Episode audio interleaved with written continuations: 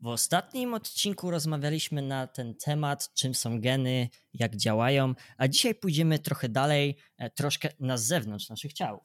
Będziemy rozmawiali o tym, czy możemy zmieniać geny, czy coś zmienia nasze geny i czy rodzimy się i umieramy z dokładnie takim samym DNA.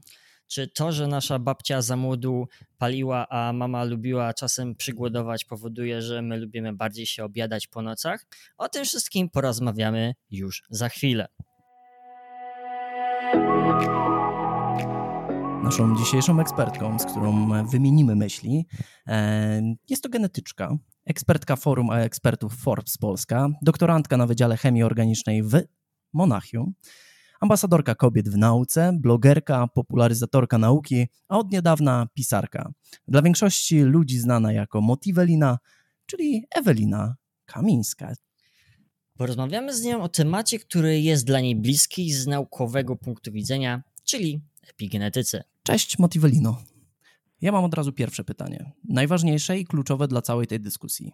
I to nie jest pytanie, co to jest epigenetyka, to będzie drugie pytanie. Pierwsze, co to za nazwa Motivelina? Skąd ona się wzięła? Cześć, witam Was. Motivelina, mm, to jest dobre pytanie. Kiedy postanowiłam stworzyć bloga, bo to było moje pierwsze medium do przekazywania i popularyzowania nauki. Zastanawiałam się nad taką nazwą, która będzie zapamiętana, ale nie będzie moim imieniem i nazwiskiem. Kiedyś nawet stworzyłam właśnie bloga na początku z zupełnie jakąś inną nazwą. Ona się nazywała Nip, czy coś takiego. E, I tworzyłam wtedy jeszcze po angielsku, ale ta nazwa mi się nie podobała, to nie było spójne ze mną. I patrząc na klawiaturę, nagle zobaczyłam, że mogłabym połączyć słowo motywacja z moim imieniem i tak wyszło Moti jako początek do motywacji i końcówka mojego imienia, czyli Welina. I e, myślę, że no, jakoś tak spodobało mi się to, bo e, tą nazwę też można odmieniać w różne śmieszne sposoby, jak zmotywelinowanie, moja seria e, poniedziałkowa na Instagramie. I tak poszło, czyli od razu zmieniłam nazwę tego bloga i od razu zupełnie inaczej prowadziło mi się go e, tak jakoś bardziej, e, bardziej osobiście. Czyli stworzyłaś silny personal branding, taki po prostu Totalnie e, znak rozpoznawczy. tak, tak. Ale myślę, że to dalej, e, dalej jakby ze sobą współgra, dlatego że e, poprzez przekazywanie wiedzy staram się też motywować do tego, żeby ludzie sięgali po jakieś inne źródła naukowe, żeby dbali o swoje życie, o styl życia. E, I to ma mieć taki wydźwięk motywujący, także myślę, że, że to ze sobą współgra, że jestem motywującą Eweliną. Nie mylić z coachem. To właśnie chciałem powiedzieć o delegalizacji coachingu, ale wróćmy właśnie do naszej rozmowy. Ty zajmujesz się na swoim doktoracie poza popularyzowaniem nauki właśnie epigenetyką. E, wszyscy słyszeli, czym są geny, czym jest genetyka, że genom to po prostu połączone wszystkie nasze geny, ale powiedz mi, czym jest epigenetyka? Żeby, żeby to tak naprawdę zrozumieć, to warto chyba y, zająć się najpierw organizacją DNA. Dlatego, że kiedy poznaliśmy e, ludzki genom w 2003 roku, na początku myśleliśmy, że to jest taki święty graal nauki i teraz już będziemy wiedzieć wszystko. E, znajdziemy odpowiedzi na wszystkie możliwe e, choroby i znajdziemy różne leki i tak dalej. No okazuje się, że to nie do końca jest prawda, dlatego że znajomość sekwencji genomu nie do końca pokazuje nam to, jak e, nasz organizm reaguje w środowisku. E, no i ludzie zaczęli się zastanawiać, e, w jaki sposób ten genom jest organizowany i może to pozwoli nam odpowiedzieć na te pytania, na które genom sam w sobie jako sekwencja nukleotydów nie był w stanie. No i tutaj mamy już kilka mm, elementów, czy kilka poziomów organizacji tego genomu, które są poziomami epigenetycznymi już, nie? czyli coś ponad genom. E, no i po pierwsze mamy modyfikacje na samym DNA, czyli różne Zasady azotowe jak cytozyna mogą być modyfikowane, przykładowo metylowane, tak? I e, ta metylacja genomu to jest taki pierwszy poziom e, epigenetyki.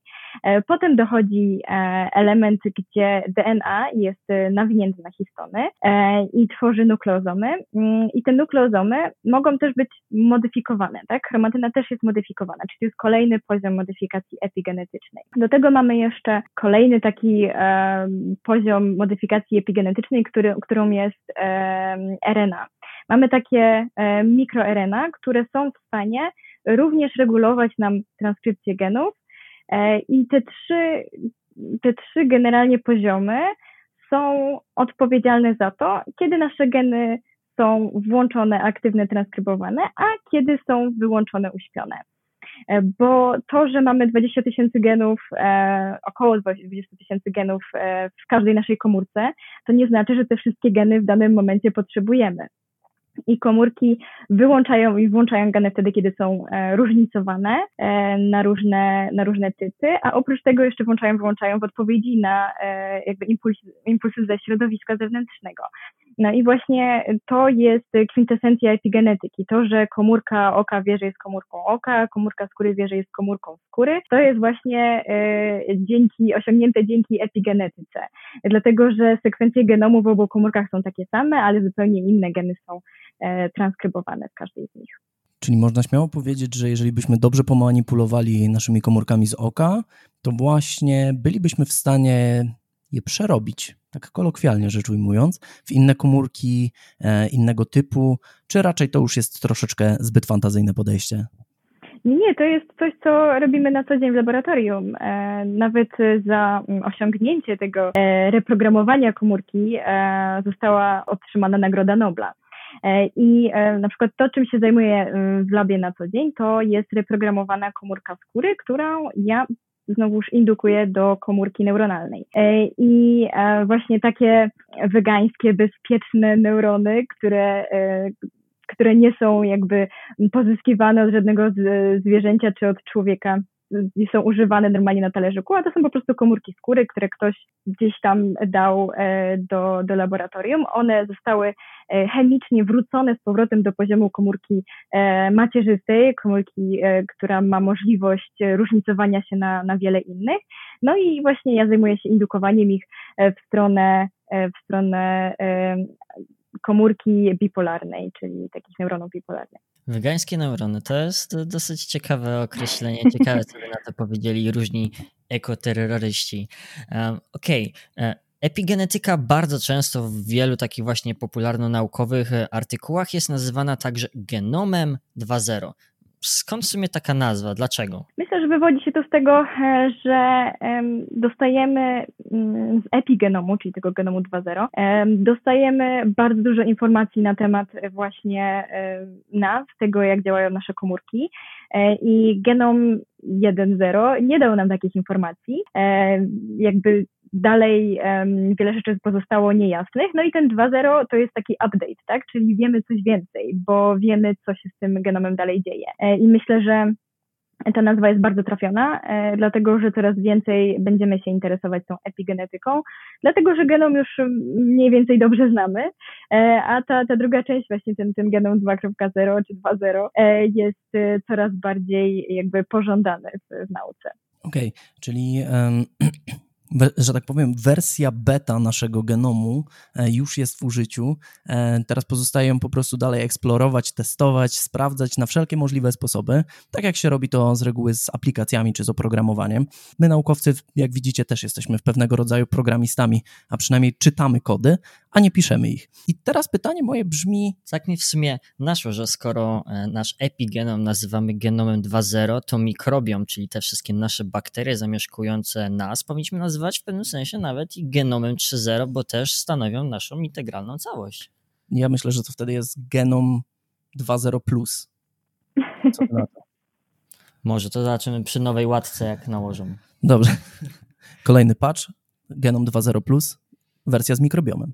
Ja e, myślę, już że dzięki temu podcastowi to już zostało nazwane, także śmiało możemy używać tej nazwy. Tak jest. Mamy teraz pełne prawo do tego, żeby rościć sobie pełne środki za używanie naszej nazwy. To w sumie skoro w Actimelach e, dają wiadomo e, właśnie zdrowe bakterie dla naszych jelitek, to w sumie jest taka łatka dla naszego genomu 3.0. No to nieźle. Dobra, wróćmy do tematu. Epigenetyka. Epigenetyka różni się tym od takiej powszechnie nazywanej genetyki, tej, tej 1.0 kolokwialnie rzecz ujmijmy, tym, że możemy właśnie nią manipulować. Ale nie zawsze indukujemy te wszelkie zmiany celowo. Nie zawsze robimy to w laboratoriach. Czasami dzieje się to na skutek działania środowiska. My się ca cały czas zmieniamy. E, czy i w jaki sposób, tak na dobrą sprawę, to środowisko może na nas wpłynąć, że genom 2.0 jest modyfikowany? Właśnie to jest, to jest ciekawe pytanie, dlatego że daje nam możliwość zrozumienia wpływu środowiska właśnie na ten nasz realny genom, nawet ten 1.0, tak? Dlatego, że jak się okazuje z badań polimorfizmy, czyli te, te zmiany pojedyncze e, w tym genomie 1.0 e, nie do końca odpowiadają na te pytania, które chcielibyśmy zadać. E, no i właśnie ten epigenom mm, jest w stanie pokazać nam te zmiany, które są wywołane impulsami z zewnątrz. I właśnie z jednej strony cały nasz rozwój embrionalny to już pokazuje nam jakby jak na nowo e, metylujemy nasz genom, jak na nowo wkładamy nasze, e, nasze modyfikacje, e, ale z drugiej strony w trakcie życia również te modyfikacje się dzieją i one się zmieniają i to jest bardzo ciekawe, czyli okazuje się, że to jak wykorzystujemy nasz genom w praktyce mocno zależy od tego, w jakim środowisku żyjemy, czy mamy świadomość właśnie tego, że jesteśmy też w stanie to zmienić. I, e, i to jest świetne, dlatego że wcześniej myślano, że ok, urodziłeś się z takim genomem, masz taką, taką mutację, taki polimorfizm, trudno. E, masz duże szanse na to, że, nie wiem, że, że zachorujesz na raka czy na chorobę serca. Ale jednak to się nie przekładało jeden do jednego, bo okazało się, że niektórzy, którzy się urodzili z tym samym, e, z tą samą mutacją, jednak na tego raka nie chorowali. No i tutaj właśnie wchodzi ten element epigenetyczny, E, czyli to, w jaki sposób wykorzystujemy tą mutację, czy faktycznie jesteśmy jakby skazani na to, żeby na tego raka zachorować, czy może jednak nie. E, no i tutaj, tak jak już na początku wspominałam, istnieją przynajmniej trzy poziomy tych, um, tych modyfikacji epigenetycznych i na tych trzech poziomach możemy nimi manipulować. Nie do końca jesteśmy w stanie to zrobić świadomie jeszcze, bo za mało wiemy, e, ale myślę, że już coraz więcej odkrywamy właśnie tych zależności. I generalnie chodzi o to, że mm, wszystkie informacje, które, które jakby są przekazywane y, do naszego organizmu, trafiają do naszych komórek w postaci różnych sygnałów, różnych szlaków sygnałowych, właśnie różnych substancji, cząsteczek, które gdzieś tam właśnie między komórkami e, wędrują i one mają realny wpływ na to, co się dzieje z tymi modyfikacjami, tak? Czyli czy DNA jest w danym fragmencie zmetylowane, czy nie zmetylowane, czy e, histony są acetylowane, czy nie, czy chromatyna jest bardziej ściśnięta, zamknięta i ten, ten gen nie jest e, transkrybowany, czy właśnie jest bardziej rozluźniona. Okazuje się, że niektóre, niektóre z tych modyfikacji są na tyle jakby łatwe w modyfikowaniu, że wystarczy jeden impuls z zewnątrz, jeden jakiś sygnał, stresor, żeby to, żeby to zmienić. Także e, właśnie w taki sposób jesteśmy w stanie e, z tego środowiska jakby wpłynąć na, na nasz genom. Czyli może, e, jak mówisz, że już takie zmiany się pojawiają, nie wiem, podczas naszego rozwoju embrionalnego, czyli w łonie matki, czyli ktoś naprawdę być może dobrze postulował, że warto puszczać muzykę klasyczną, to może będziemy wtedy e, bardziej wrażliwi na sztukę albo po prostu um, mamy inny, bardziej wyszukany gust muzyczny, chociaż przynajmniej. Możliwe.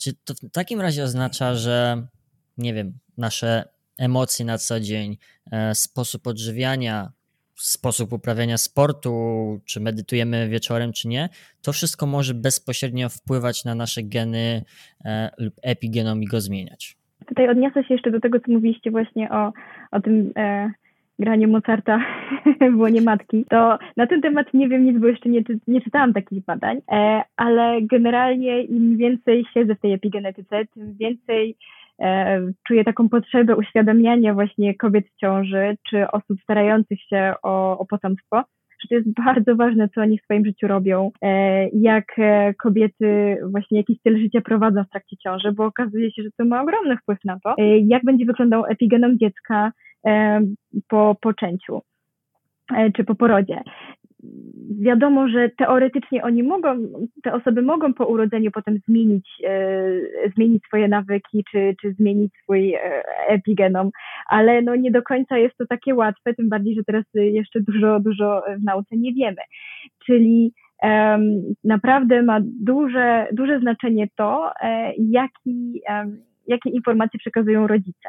No i teraz to jest trochę zawiłe, żeby wytłumaczyć w jaki sposób, dlatego że mm, po zapłodnieniu te modyfikacje epigenetyczne z gamet naszych rodziców są w większości usuwane.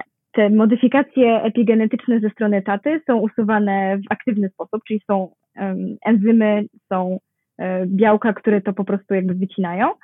E, a od strony mamy jest to bardziej jakby rozpuszczalne, rozcieńczane e, poprzez kolejne syntezowanie tego DNA, tak? I w pewnym momencie dochodzimy do takiego bardzo krytycznego poziomu tej, tej zmetylowanego DNA, tak zwanego imprintingu i od tego momentu, czyli to jest jakiejś tam bardzo, bardzo śladowej ilości e, modyfikacji, które przechodzą od rodziców i potem właśnie w łonie mamy na nowo nasze komórki się e, jakby mm, zabezpieczają w ten, w ten metylom, tak? Czyli na nowo te zmiany, ten, ta metylacja DNA zachodzi. I to jest bardzo ważne, dlatego że właśnie wtedy całe jakby środowisko, w którym znajduje się e, kobieta w ciąży, wpływa na to, jak ten genom dziecka będzie, będzie metylowany, jak, jak ten epigenom będzie wyglądał. Dlatego tutaj mówię, może być tak, że faktycznie puszczanie tej muzyki będzie miało jakieś znaczenie. E, ale tego jeszcze nie wiemy. Myślę, że dużo więcej wiemy na przykład e, na temat mam, które palą papierosy, czy, czy piją alkohol, że to jest faktycznie niedobre e, i to też odbija się na metylomie. Mamy też tutaj przykłady z Mm, z takich bardzo traumatycznych przeżyć, tak, że jeśli kobieta w ciąży przechodzi jakąś traumę, na przykład z, z badań nad 11 e, września, tak, to potem te dzieci mają e, większe prawdopodobieństwo, bo tak mówi ich epigenom, że będą miały pewne problemy albo właśnie zdrowia psychicznego, albo tendencje do otyłości, tego typu rzeczy. I to jest właśnie zapisane w epigenomie. Ale zagadałam się i teraz nie wiem, które było, co było waszym drugim pytaniem.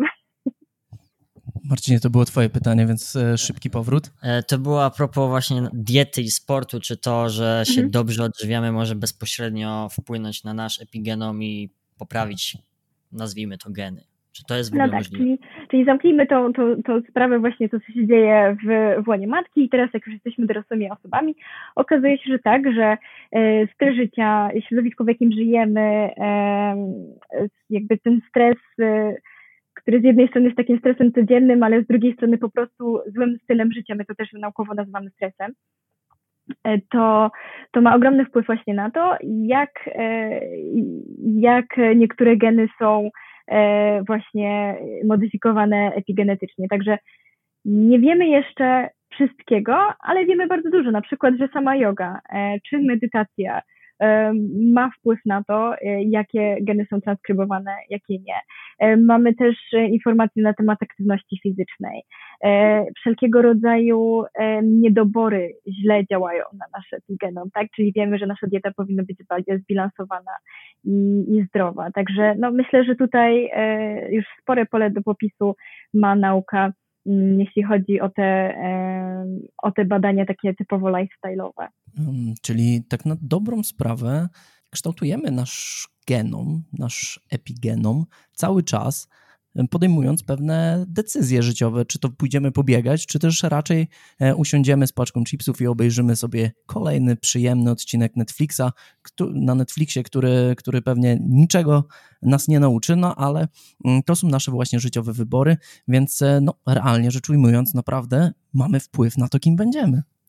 A tak a propos jeszcze muzyki klasycznej, przypomniało mi się, że nie wiem, czy jeden naukowiec nie dostał antynobla, na pewno prowadził takie badania, że właśnie puszczanie muzyki Mozarta e, krowom powoduje, że e, są one bardziej e, mleczne, dają więcej mleka i ich mleko jest po prostu smaczniejsze, a więc coś jednak w tej muzyce klasycznej jest. To może mieć bardzo dużo wspólnego na przykład z hormonami, bo hormony są bardzo takimi cząsteczkami, które bardzo łatwo odzwierciedlają nam środowisko, w jakim żyjemy, tak?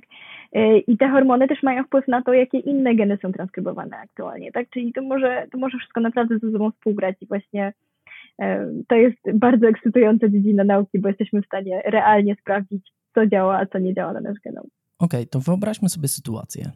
Jestem jedynakiem, ale akurat, ale no wykreujmy taki model, a mianowicie mam bliźniaka jednojajowego. Jestem do niego bardzo, bardzo podobny fizycznie. Czy to znaczy, że mm, będziemy mieli także podobny epigenom, czy może to mm, będzie się zmieniało wraz z naszym życiem i możemy się urodzić raz, że już z innym epigenomem, a po prostu sytuacje życiowe mogą zdeterminować, że będziemy całkowicie innymi ludźmi. Czy masz jakiś przykład dobry na to? E, jak najbardziej. Były takie, e, takie badania robione na bliźniakach jednojajowych, które były tuż po urodzeniu rozdzielane i przekazywane różnym rodzinom.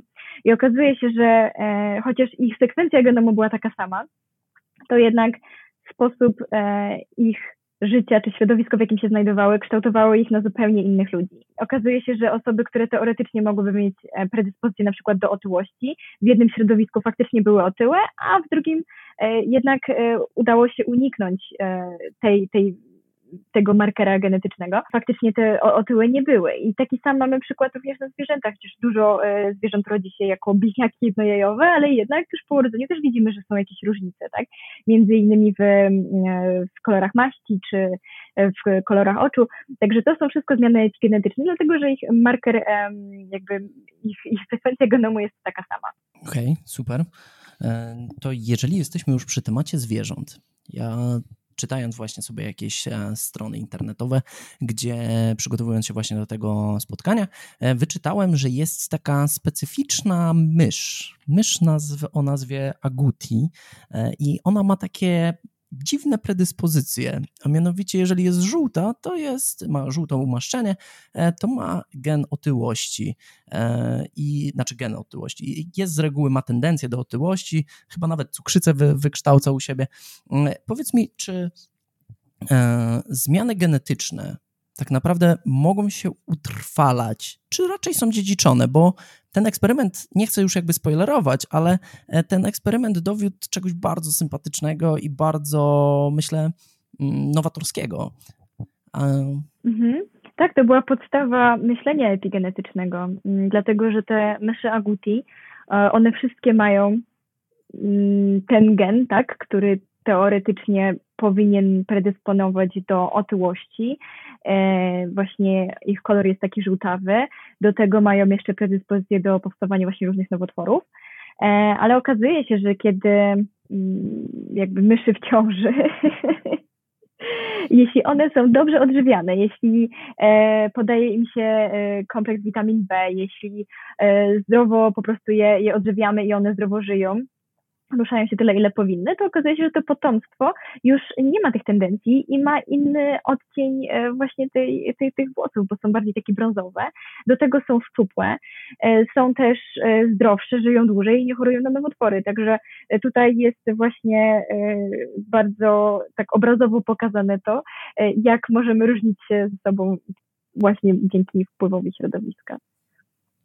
A się zastanawiam właśnie, jak daleko możemy tak naprawdę takie zmiany dziedziczyć. Znamy tą historię z Holandii, gdzie po wielkim głodzie dzieci osób, które przeszły ten wielki głód, miały właśnie większą skłonność do otyłości.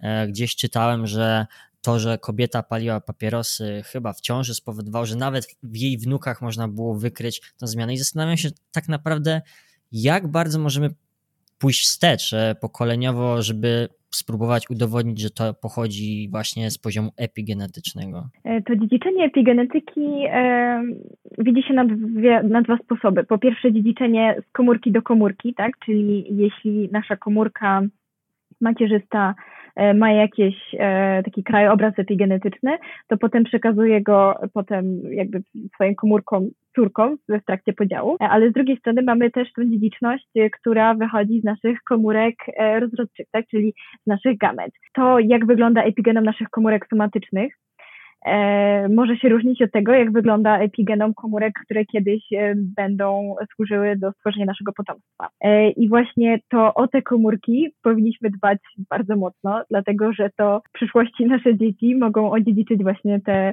e, te zmiany i te modyfikacje. I jak daleko to może zajść? Na razie wydaje mi się, że większość badań pokazywała dwa czy trzy e, pokolenia. E, natomiast jeśli już utrzymuje się to w trzech pokoleniach, no to myślę, że to są zmiany, które można pociągnąć jeszcze dalej, ale z drugiej strony, skoro mamy na nie wpływ, to też pewnie można to zmienić w trakcie życia, żeby tego nie przekazać naszemu potomstwu.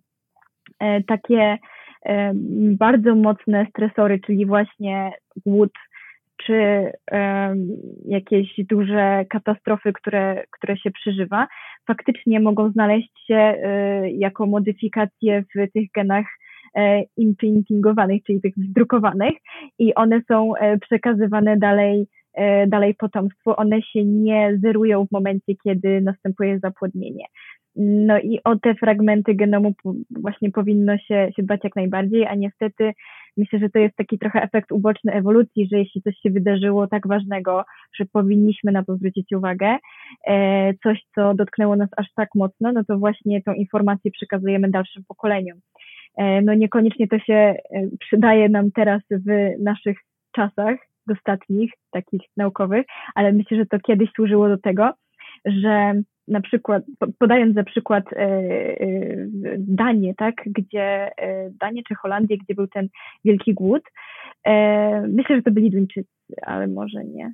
Mi się wydaje, że Holandia. Holandia. No to dobra, Holandia. Chodzi o to, że jeśli ten głód panowałby przez wiele, wiele lat, to te zmiany epigenetyczne służyłyby przyszłym pokoleniom, dlatego że one dzięki temu były bardziej odporne na braki, na przykład e, w dostatnim, poziomie mm, glukozy we krwi. Ale jeśli one się rodzą już w świecie, w którym tego głodu nie ma, no to te geny im nie służą, dlatego że one służą do magazynowania e, zasobów spożywczych, tak, do tego, żeby jak najwięcej energii wyciągać z każdego, z każdego pożywienia. No i teraz mamy tendencję do otyłości, bo jemy tyle, ile nasi przodkowie, ale jednak trochę inaczej sobie z tym jedzeniem radzimy. Także myślę, że, że te zmiany kiedyś, kiedyś mogłyby się nam nawet przydać, no ale teraz nie są, nie są to jakby odpowiednie e, rzeczy.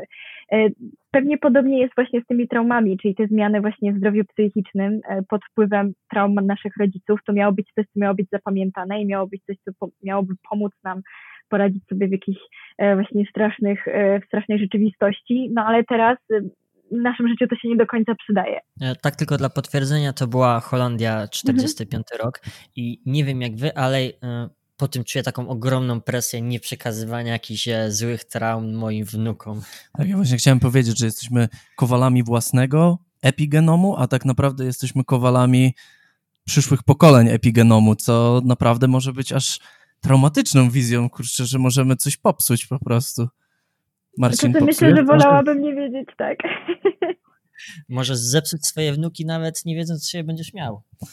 To już tym bardziej jest traumatyczna wizja. Czy Zmiany epigenetyczne, bo wiemy, tutaj wyszczególniłaś, powiedziałaś właśnie, że na przykładzie tej Holandii, że e, osoby, które się rodziły, później miały takie markery, można tak powiedzieć, e, które odpowiadały za to, że markery tego, że e, miały, miały nie były dostatecznie dożywione, może tak, ich wcześniejsi rodzice czy, czy dziadkowie i wtedy stymulując ich taką optymalną dietą i tak dalej, mieli oni większe tendencje do tycia. Czy tak na dobrą sprawę jest więcej takich markerów? Czy w ogóle epigenetyka może posłużyć nam jako mm, narzędzie do tego, żeby znajdować markery tego, e, kim byli nasi poprzednicy, to znaczy rodzice, albo jak, e, jakie mamy my predyspozycje i co być może przekażemy swojemu potomstwu,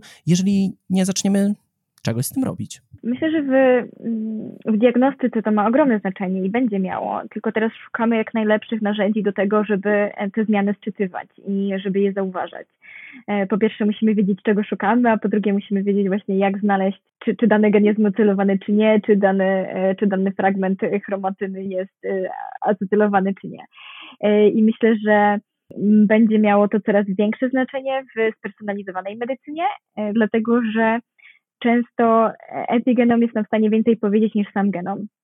I e, jeśli chodzi o właśnie e, wczesne rozwoje e, chociażby nowotworów czy innych chorób cywilizacyjnych, e, często możemy znaleźć już jakieś markery, które nam mówią o tym, że jakaś, jakieś białko nie działa tak, jak powinno, chociaż tego fizycznie czy fizjologicznie jeszcze nie czujemy, e, ale to już może się dziać. I to są takie małe, subtelne zmiany, które na przestrzeni 10, 15, 20 lat potem wychodzą nam właśnie w formie choroby Alzheimera czy nowotworu. i takie wczesne diagnozowanie, wczesne zauważanie takich zmian na poziomie epigenetycznym byłoby po prostu świetnym, e, świetnym narzędziem do tego, żeby się e, przedwcześnie screenować, żeby ta profilaktyka e, miała jeszcze większe znaczenie niż ma teraz.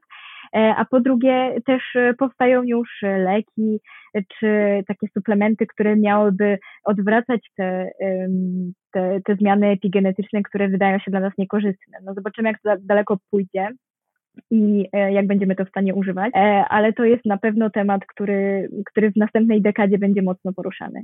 E, no zdecydowanie, jeżeli byśmy byli w stanie tak naprawdę przeciwdziałać niektórym chorobom, takim jak powiedziałeś właśnie chociażby Alzheimera choroba, wydaje mi się, że takie badania też są prowadzone nad chorobą Krona Leśniewskiego mhm. I właśnie nowotworami. No tutaj wiadomo, nowotwory to zawsze chodliwy temat i, i wokół niego bardzo dużo się dzieje, tym bardziej, że no właśnie, jak mogliście posłuchać zresztą e, w naszych wcześniejszych odcinkach, właśnie rozmawialiśmy o tym, jak przewidzieć tak na dobrą sprawę nowotwór i jednym właśnie z mechanizmów tego, jak można właśnie przewidywać, są właśnie zmiany e, epigenetyczne. A jakie są modyfikacje? Bo wspomniałaś jakby, że na trzech poziomach możemy tę, tę epigenetykę um, analizować, czy, czy są trzy poziomy modyfikacji. Zastanawiam się, to, bo bardzo często pojawiało się słowo metylacja. Czy jesteś w stanie zobrazować nam, czym ta metylacja jest, jak kluczowe dla genów, dla naszych kwasów nukleinowych ma znaczenie ta metylacja właśnie? No jasne, akurat tym się zajmuję, także spokojnie to mogę wytłumaczyć. Właśnie moim tematem badań jest e, aktywna demetylacja DNA, no ale o metylacji też mogę powiedzieć, czyli nasze cytozyny, Mm, czyli jedne z zasad azotowych, są e, czasem modyfikowane, czyli dodaje się do nich grupy metylowe. I te grupy metylowe mają za zadanie jakby skręcać DNA, czyli DNA jest wtedy mniej dostępne dla e, czynników transkrypcyjnych, dla innych enzymów, na przykład dla polimeraz, które transkrybują też e, DNA, tak? Czyli ma za zadanie jakby wyciszać ten dany gen. I to zazwyczaj nie jest jakby punktowe dla genu, tylko to jest dla całych fragmentów genomu, które są aktualnie niepotrzebne. No bo jak pomyślimy sobie, że mm, DNA jest e, bardzo cienkie, tak? Ono jest jedną chyba 40-tysięczną ludzkiego włosa, ale jak się je rozwinie na długość, to ma dwa metry, no to jakoś musimy to wszystko upakować, tak? Czyli te niepotrzebne dla nas geny są właśnie z jednej strony metylowane, tak, czyli mamy te, te grupy, e, grupy funkcyjne na nich nałożone. E, no i właśnie na to jeszcze nachodzą e, te zmiany, gdzie my bardziej upakowujemy to DNA i nakręcamy je na histony, tworząc nukleozomę. O ile te zmiany na histonach i na chromatynie to są często zmiany takie bardziej tymczasowe, a o tyle te zmiany na DNA to są częściej zmiany, które powstały przez długie lata albo w, w okresie embry, embriogenezy, one są takie jakby najbardziej bliskie naszym genom, tak? Czyli jak ta metylacja DNA już się znajduje, to nie ma opcji, żeby ten gen był transkrybowany. Um, I czym ja się zajmuję na co dzień, to jest szukanie mechanizmów, dzięki którym komórki włączają gen, który na początku wyciszyły. Czyli on wcześniej się nie przydawał, ale w pewnym momencie jej funkcjonowania jednak, o kurczę, jednak będzie potrzebny. No i teraz co robimy? I musimy tą grupę metylową jakoś usunąć, ale nie możemy jej tak bezpośrednio wyciąć, więc ją utleniamy do dalszych form. Czyli z, z metylowanej cytozyny robimy e, hydroksymetylowaną cytozynę, formulowaną cytozynę, karboksylowaną cytozynę i te formulowane i karboksylowane cytozyny są już łatwiej jakby wycinane z genomu i dzięki temu zastępujemy, zastępujemy je normalną cytozą z powrotem. E, I właśnie dzięki temu jakby wracamy ten, ten moment, kiedy mamy jakby czyste DNA, które na nowo można modyfikować. Mam nadzieję, że odpowiedziałam na Wasze pytanie. Tak, e, znaczy nadmiar e, różnych form cytozyny tutaj może, może niektórych przytłoczyć, ale tak dla.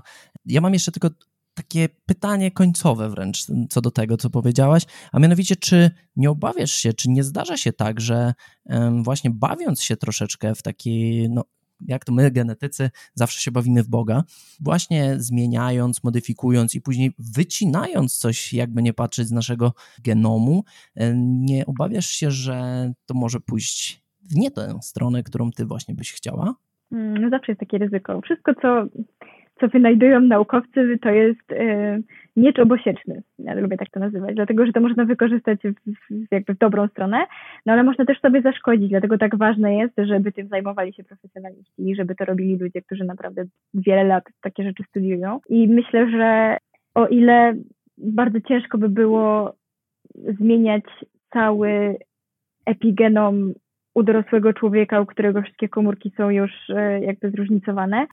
O tyle na poziomie embrionu możemy już, już wiele namieszać. Także no, warto robić tą naukę i warto badać e, dużo rzeczy, żeby nie popełnić błędów. Także zawsze jest ryzyko, że, że można niestety coś zepsuć, a jeśli chodzi o włączanie zbyt dużej ilości genów, tak, e, czyli jakby usuwanie tej, tej metylacji, no to możemy jakby mocno przyspieszyć procesy starzenia się, możemy mocno e, jakby zmusić komórkę do produkowania rzeczy, które nie są jej potrzebne, nie są, tak, nie są jej potrzebne, to zazwyczaj wiąże się z różnymi e, patogenezami różnych chorób. Okej, okay, czyli um, Generalnie bawimy się, jak to zawsze my naukowcy, w bogów, ale zawsze w kontrolowanych warunkach, w taki sposób, żeby mieć stuprocentową pewność, e, że w przyszłości, jeżeli znajdzie zastosowanie albo znajdziemy jakiś sposób na to, żeby zmieniać nas, ludzi, pomagać e, szerokiemu gronu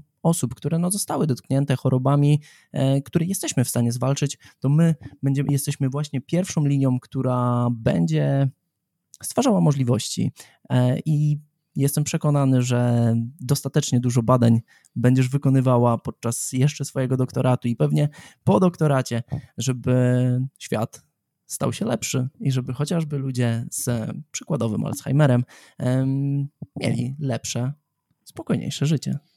A więc jak widzicie, moi drodzy, bardzo ma znaczenie, co dzisiaj e, zjecie na kolację, e, albo czy pójdziecie w końcu pobiegać, bo jak widzicie, ma to wpływ nie tylko na Was, ale może mieć i wpływ na Wasze dzieci czy wnuki. A więc pamiętajcie, moi drodzy, aby dbać o siebie, bo nie dbacie tylko o siebie, ale i przyszłe pokolenie. A więc serdecznie dziękujemy Ci, Ewelina, za tą e, rozmowę i mam nadzieję do zobaczenia, do usłyszenia.